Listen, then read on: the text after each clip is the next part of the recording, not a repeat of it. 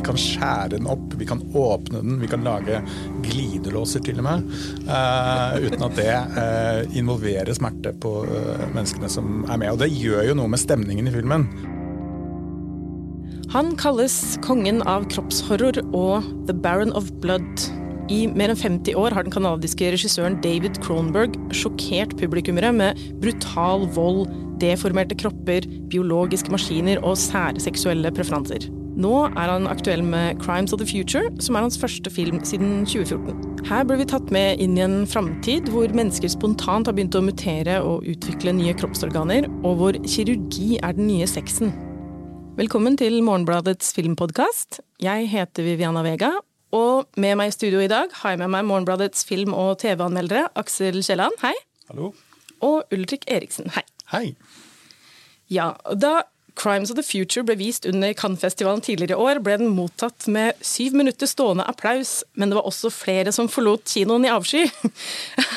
Dette, dette virker jo å ha begynt å bli en slags tradisjon, å være enten klappe i sju minutter eller forlate kinoen i avsky. Dere veldig, var jo der. Det er veldig forutsigbart, det der Cannes-opplegget. Jeg, jeg, var ikke på den. altså I Cannes er det gjerne en gallavisning hvor filmskaperen er til stede. Premieren. Man må være kledd i dress. Eh, der var ikke jeg. Jeg har aldri vært på noen av de. Så, men på de visningene jeg var, så var det ingen uh, Ingen sju minutters stående applaus, og ingen uh, som jeg kunne se som forlot salen i avsky. Og det er nok noe folk hjemme gjør mer ut av enn uh, enn man gjør i Cannes. Det jeg husker fra den visningen jeg var på, pressevisningen, eh, var jo en forventning i, i blant publikum. Eh, det var en film måte, som, var, som, mange så frem til eh, i Cannes. Litt fordi at det er Cronberg, og han har en veldig stor stjerne både i det franske publikummet, men også blant filmkritikere generelt. Så det var en liksom, Og at det er, det er en begivenhet når Cronberg lager bodyhorror igjen. Ja, det er det jo. Hva er det som egentlig, hva handler 'Crimes uh, of the Future' om? Det er jo en sci-fi fra framtida. Det handler om en uh, framtid hvor uh, på litt sånn uforklarlig vis har menneskeheten De aller fleste mennesker i verden har slutta å føle smerte. Og så har man begynt å produsere litt sånn mystiske organer. Som, noen av de har ikke nødvendigvis noen funksjon, andre har det. Og dette har da forma samfunnet uh, i at, som du sa, altså 'surgery is the new sex' er noe som sies i denne filmen. At, uh, og, og, hovedpersonen vi følger da, det er en sånn performance-kunstnerduo, hvorav den ene, uh, Viggo Mortensen, driver og um, The Soul Tensor. De vil produsere veldig mye rare organer, som da kjæresten spilte av Lea Du husker ikke hva rollefiguren heter, hun eh, opererer ut disse altså performancene, at hun driver, bedriver kirurgi på han da, foran et publikum. Og alt har liksom litt sånn erotisk eh, stemning over seg også, ikke sant? Det er jo ja. Litt, men det er også en sånn altså vil, Dette er jo en slags body horror-film, på en måte, men det er jo først og fremst en sånn body mystery. eller sånn der, det, er, det, er, mer fascinasjon her enn det er frykt. Hvordan vil man forholde seg til kroppen hvis man ikke følte smerte? Da? Hvis man kunne skjære opp og åpne og se liksom, uten, uh, uten det. Uh, det er jo noe, en, en, av de tingene filmen utforsker. En annen ting er Uh, filmen starter med drap på en liten gutt som har den særegenheten at han kan spise plastikk og fordøye plastikk. Så det er jo en slags sånn element her av at den menneskelige biologien kommer i kapp med det menneskeheten har gjort med planeten potensielt en løsning. at vi kan spise vår egen skitt. Det hadde vært veldig praktisk. Ja. Og så tenker jeg også at det er jo, uh, som i mye Cronberg-film, uh, men kanskje ekstra mye i denne, så er det jo sånn, uh, et sånt metanivå. at han kommenterer altså, Det ligger jo en sånn humor nærmest i måten han måtte presenterer ting på. Det er et litt sånn glimt i øyet på en del presentasjon av måtte, både problematikk og hvor seriøst skal vi egentlig ta det? Ja. Eh, nivå, eh, som, er, som, ligger der som en sånn stemning under hele tiden. Men en sånn blanding av både en mystikk, eh, men også en litt sånn kom komikk. Ja. Jeg også syntes den var ganske komisk, men jeg var litt sånn usikker på om det var ufrivillig komisk eller Jeg tror ikke det er det, men jeg syns ikke alt sitter like godt. Er slags, altså, den er veldig lite melodramatisk, da. Ja. Det, det, det, er jo en del av filmen han som er. Uh, men, mens her har du særlig disse byråkratiet i denne filmen. Uh, Kristen Stewart en, uh, gjør en veldig underlig liten rolle. En slags sånn Jesse Eisenberg-imitasjon. ja, veldig nevrotisk. Ja, ja. Veldig maniert uh, replikkavleveringer. Um, hun spiller, jobber da i en sånn byråkrati for uh, hva er det heter, New Vice, som kartlegger og, og tatoverer og nummererer nye organer. Og Der er det et element av uh, av sånn klassisk, sånn, den klassiske eh, europeiske liksom burleske byråkratiskildringen. Og det er jo litt morsomt. Litt sånn veldig karikert. og ja, og så har du også disse performance-kveldene. for de, Disse to hovedpersonene er jo da eh, performance-kunstnere og, og, store stjerner innen sitt felt. og Det er også litt komisk, fordi de fremstiller på en måte performance som eh, at i fremtiden så blir det på en måte den nye rocken, nærmest. Altså, eller de er enorme stjerner innenfor performance, og det fremstilles som kult. Og så er det en veldig spesifikk type performance, selvfølgelig, som går på at man rett og slett skjærer inn i kroppene og driver med en form for kirurgi. Jeg synes jo det er noe av det komiske. da, er jo på en måte at David Cronenberg sier bare dette er framtiden, og den er veldig rar. Det er ikke noe mer uh, kontekst nei, enn det. Nei, og den er også, skal sies at den, den uh, Du merker at det er en ganske billig film. Uh, og det er, det er jo et eller annet som grunnleggende veldig morsomt med at han har ikke lagd film på åtte år, syv år. Uh, og han endelig får finansiering til å lage en body horror-film igjen. Den finner han i Europas mest gjeldstyngede land, Hellas. Og den er da spilt inn nattestid i stort sett sånn forlatte fabrikklokaler og sånn. Og det føles som en sånn veldig liten verden. Det er veldig sånn klaustrofobisk, og det er mørkt, og det er skittent, og det er uh, ganske lite mennesker og lite by. Ja, Det er jo en slags dystopi, da. Det, men, men, det er klart, det blir mer et, et bill, en billig film enn det blir en dystopi, kanskje. Ja, altså Filmene til Cronberg ser jo ofte ganske billige ut. Det er jo ikke så veldig sånn fancy spesialeffekter.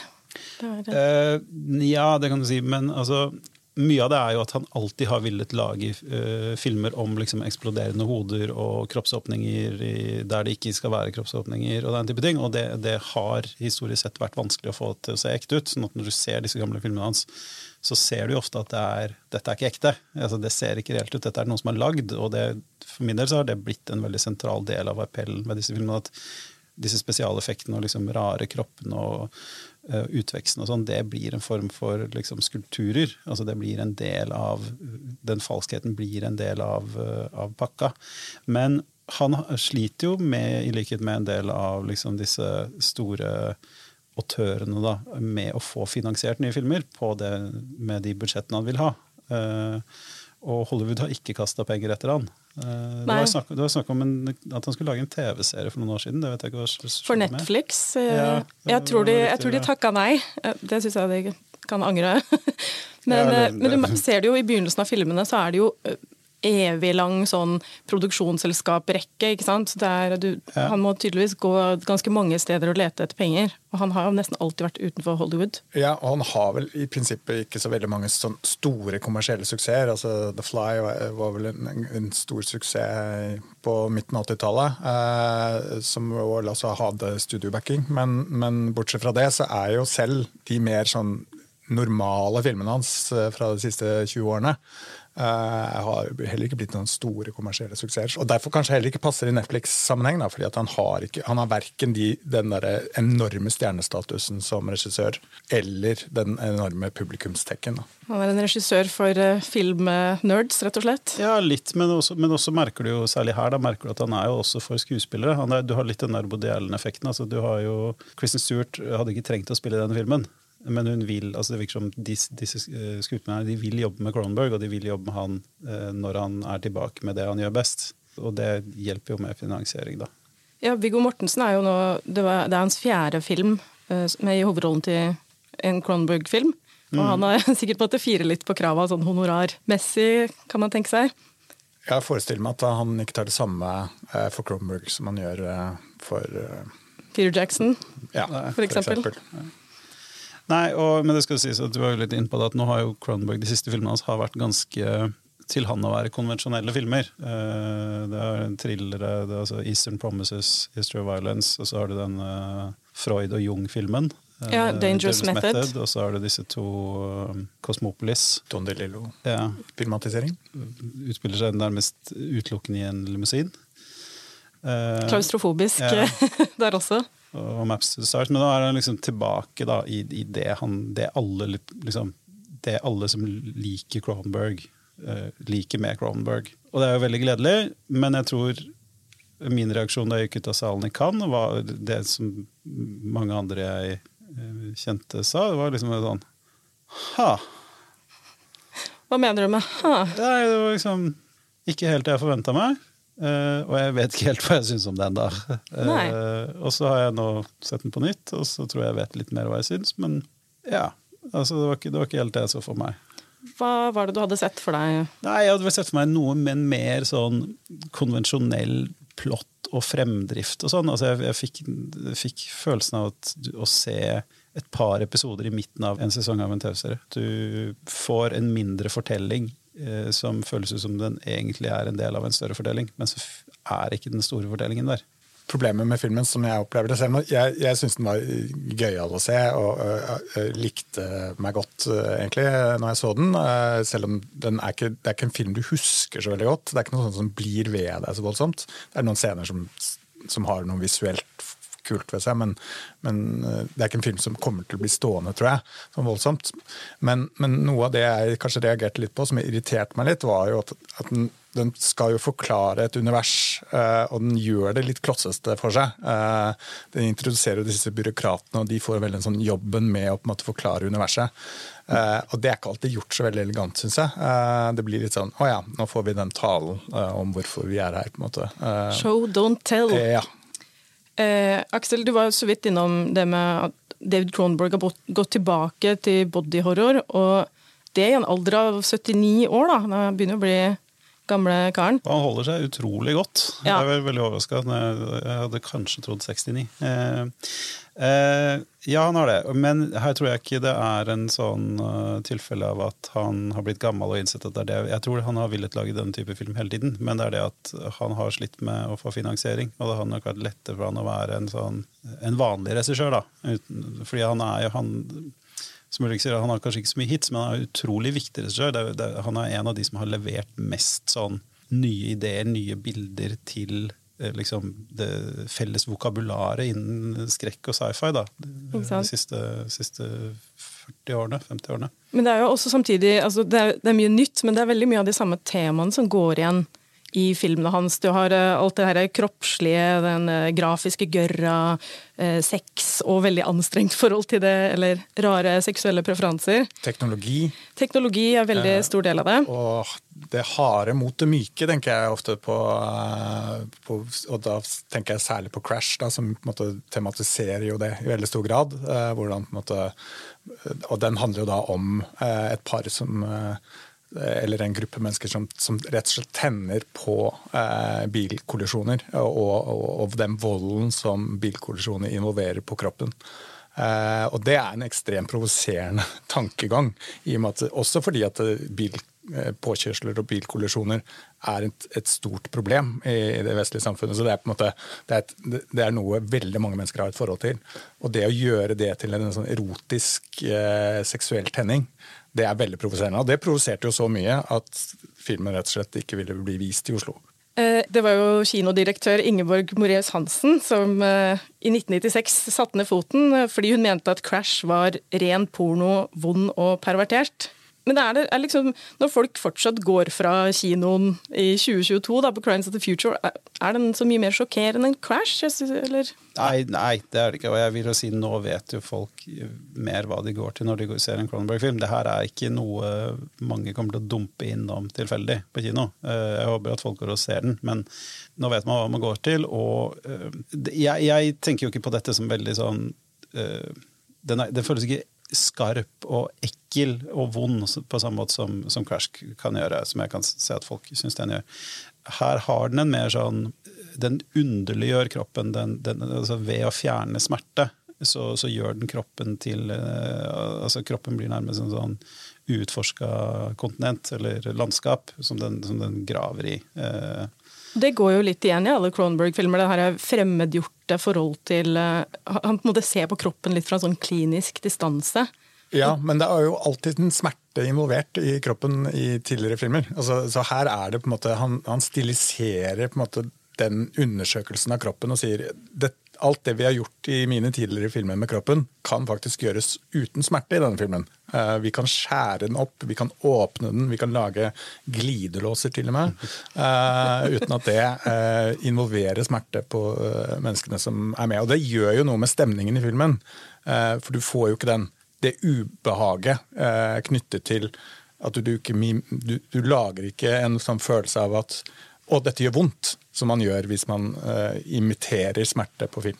Og, og, Det er jo en av grunnene til at filmen mister litt sånn spenning. og, og altså, Du får ikke følelse av at det er så mye som står på spill, da, for at ting gjør ikke vondt. Så da er det liksom den, den psykologiske smerten som gjenstår, og den er ganske sånn Og det kan jo være uh, en, en, god parallell til vår tid. da, ikke sant? Altså, det kan jo godt hende at han måte, ønsker å si noe om hvordan vi er numne for eh, smerte. Da. At vi gjør oss selv eh, smertefrie. Vi er klar over at verden går til helvete, og vi, vi en måte setter en, eh, en, smertestillende rett i låret og gjør at vi ikke merker noe som helst. Sånn i allegorisk forstand. I, I, de her performancene i Crimes of the Future, da sto det jo uh, på noen av TV-skjermene der 'Body is reality'. Mm. Hva tror du han, eh, han, mener med det? Det er noe veldig betegnende for, eh, for Cronberg er at alt er, eh, alt er kropp, eller kropp kan være alt, og kropper kan være overalt. Altså, altså biologien kan være overalt. Han har, han jo, har jo mange sci-fi-fortellinger, men, men, det som virkelig går igjen, er jo at her er det ikke teknologien, maskinene, som kommer det er kjøttet som kommer. Kjøttet tar nye former. Kjøttet tar altså, The New Flesh, da, som han snakker om i Videodome, en av hans mest kjente filmer. Hvor, ja, hvor, virkelig dette liksom settes på plass, dette body horror-språket hans. Det er en veldig sånn unik visjon av fremtiden som er ganske sånn lite fremme i andre, andre bilder vi får av fremtiden nå, hvor du har liksom mer den tradisjonelt transhumanistiske, hvor robotene kommer, og kunstig intelligensen kommer, og menneskets bevissthet skal inn i maskiner. Det er jo veldig organisk. billedspråket Jeg tenkte på, Det var noen ting som gikk igjen som minna meg om da den eksistens fra, fra 90-tallet, som handler om virtual reality. Men, det, men, fra en sånn spillkonsoll av kjøtt? Ja, nettopp. Og det er, og det er de der, disse tentaklene, eller liksom det, det, går igjen ofte i filmene. Type sånn rør, navlestrenger du stikker inn i kroppen til folk og sånt. Det jo... Ja, det er en sånn, eh, Teknologien har jo et organisk element. måte, at det, det, det lever nærmest sitt eget liv. Det er, det er som å, jeg, jeg, får sånne eh, assosiasjoner til eh, å lage kjøtt, eh, som man gjør mm, visstnok på laboratorier nå for tiden. At man forsøker å gjenskape kjøtt eh, gjennom teknologi. Det er litt den samme greia jeg får følelsen av. At, man, at teknologien på en måte får en organisk element. da. Uh, og Det er fascinerende. Det er veldig sånn visuelt uh, og karakteristisk for Cronberg. Og Det er også ganske sånn, det går en rød tråd sånn designmessig på hvordan disse tingene ser ut fra eksistens, men også fra videodrom og, og, før. Og, og det En interessant ting her er at noen av um, det er mye rare maskiner her. Blant annet, vi har snakket om Kanskje det mest irriterende møbelet uh, i, i, i, film dette tiåret så langt, Det er det som heter The Breakfaster, som er en stol han sitter i. Han uh, Viggo Mortensen-karakteren som, skal, som driver hele tiden og rister og dytter og slenger han til hit og dit. Han ser at, veldig ukomfortabelt ut. Ja, Som skal hjelpe han med å fordøye uh, maten, eller å hjelpe liksom, å balansere de rare organene hans. Men det er særlig irriterende at den er jo knapt borti han. Han bare sitter og vipper. Og den ser jo ut som en sånn rar blanding av eh, noe eh, HR Giger kunne lagd, og, og, et eller annet du kunne bare surra sammen med, med noe, noe, hud og noe kyllingknokler. Og det er jo noe som går igjen i filmen, men her ser du at i denne filmen så har du både disse fysiske objektene som er designa på den måten, og så ser du jeg mener i de, noen av de kirurgiscenene så har du CGI-versjonen av det samme. Men, men, det er det samme det som du eh, kalte liksom klønete designet. da. Eller liksom det kunstige designet. Hva tenker du på da? Nei, altså Det går igjen i både det som er lagd fysisk, og det som er lagd digitalt. At det det ser liksom hjemmelaga ut? Ja, eller, ja. Eller, eller, hva skal man si. altså at du ser eh, et slags håndverk i det, eller en sånn kunstighet i det. da. Er det med på å gjøre det litt sånn teateraktig, kanskje? Jeg har tenkt på det av og til med Cronenberg, at det er, denne stemninga, den klaustrofobien og sånt, det er nesten så du kunne sett det på en scene. Ja, det har i hvert fall eh, litt av det metaelementet. At, at han er klar over at dette ikke er, fremstår helt realistisk. Eller det gjør det jo ikke, men eh, det fremstår på en måte på en litt sånn ja, distansert måte. da. Man, man vet at man ser på film. Man skjønner at dette ikke er ekte. Eh, og det gir en, en distanse til det som både kan være litt eh, avvisende, på en måte, men også eh, involverende på det at den skaper en humor og en mulighet til å, å reflektere over det du ser. Men det skal si at noen ganger når disse bildene er liksom sitter som et skudd, så, så, så overskrider de dette kunstige. Da. Altså, da sitter det, Jeg har fortsatt bilder av når uh, han hovedpersonen i Videodom stikker hånda inn i magen sin. Uh, da, da, overskrider det dette liksom kunstige ekte. Da er det bare liksom sånn pur uh, visuell kraft. Eller motivmessig kraft. Hva tror du egentlig David Cronberg prøver å si ved å hele tida redusere oss til disse laboratoriekjøtt... Altså, jeg syns det er interessant hvordan i hvert fall i denne filmen, uh, Vi snakket om disse byråkratene, uh, og de har jo på en måte en rolle om å, å holde menneskene rene. Uh, det er deres mål er på en måte å sørge for at de, alle disse nye organene som dukker opp, at man holder det orden på dette, sånn at man, ikke menneskene på en måte blir til en ny rase eller blir uh, urene på et vis. Og det, det, ser jeg på som et element han tar opp i seg. At han er opptatt av at mennesket er, har noe skittent ved seg. At vi er syndige, og at vi, vi gjør liksom ekle ting. Og at det må vi klare å forholde oss til. Uh, det føler jeg er en sånn gjennomgående ting. En uh, ærlig filmskaper på, på mange vis. Får håpe at det kommer noe mer fra den kanten, da. Ja, han er 79 år. Han må kunne klare å lage en film til. Han holder seg jo veldig godt, og holder koken på mange måter, syns jeg fortsatt. Jo da, og du ser at han eh, Det er jo ikke noe sånn tegn til å eh, hva skal vi si, mildne og bli forsiktig med årene. Det er det ikke. Det er liksom, men, men, jeg håper jo at hvis han lager en film til, og jeg håper han lager mange filmer til, at vi får en, en litt mer sånn hva skal man si, konvensjonelt engasjerende fortelling. Det hadde jeg gjort. Det beste av, eh, av to verdener. Ja. Eh, sånn på tampen, har dere noen eh, anbefalinger? Cronenberg eller noe annet? Jeg vil gjerne anbefale Crash. Ja. Eh, selv om det er en veldig ubehagelig på mange måter ubehagelig opplevelse, så er det en interessant Jeg er jo opptatt av bil, da. så for meg så syns jeg det er en veldig spennende diskusjon om hvordan det perverse ved at vi på en måte tillater personbilisme rundt omkring eh, overalt. Så i det, det lyset der så syns jeg det er en interessant film. Jeg har drevet og sett et par episoder nå av den nye serien The Peripheral. Som er Amazon-serie basert på William Gibson-boka. Det, det, er ikke helt på de årene, men det har noe felles berøringspunkter. At uh, det har å gjøre med virtual reality og liksom opplevelsen av å være i en digital kropp. Da. Så det er jo litt av det samme. Den er produsert av um, Jonathan Nolan og Lisa Joy, som også produserte Westworld. Det føles veldig som en sånn uh, oppfølger til Westworld. Etter at sesong fire bare liksom kjørte seg litt fast i grøfta. Veldig bra. Skal du anbefale noe Cronberg? Ja, jeg kan jo det. Eh, jeg vil slå et slag for Naked Lunch. Det var jo hans filmatisering av den ufilmatiserbare boka til William S. Burroughs. Jeg syns den er ganske fascinerende. Og den har da den der klaustrofobiske stemninga og ikke minst masse sånne slimete proteser, da. Så.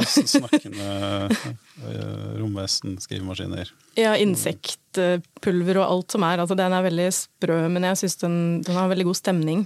Og det er jo en av de, en av de filmene eh, hvor du virkelig ser dette effektmaskineriet hans i full vigør. Uh, det er helt klart Kronbergsk, i hvert fall.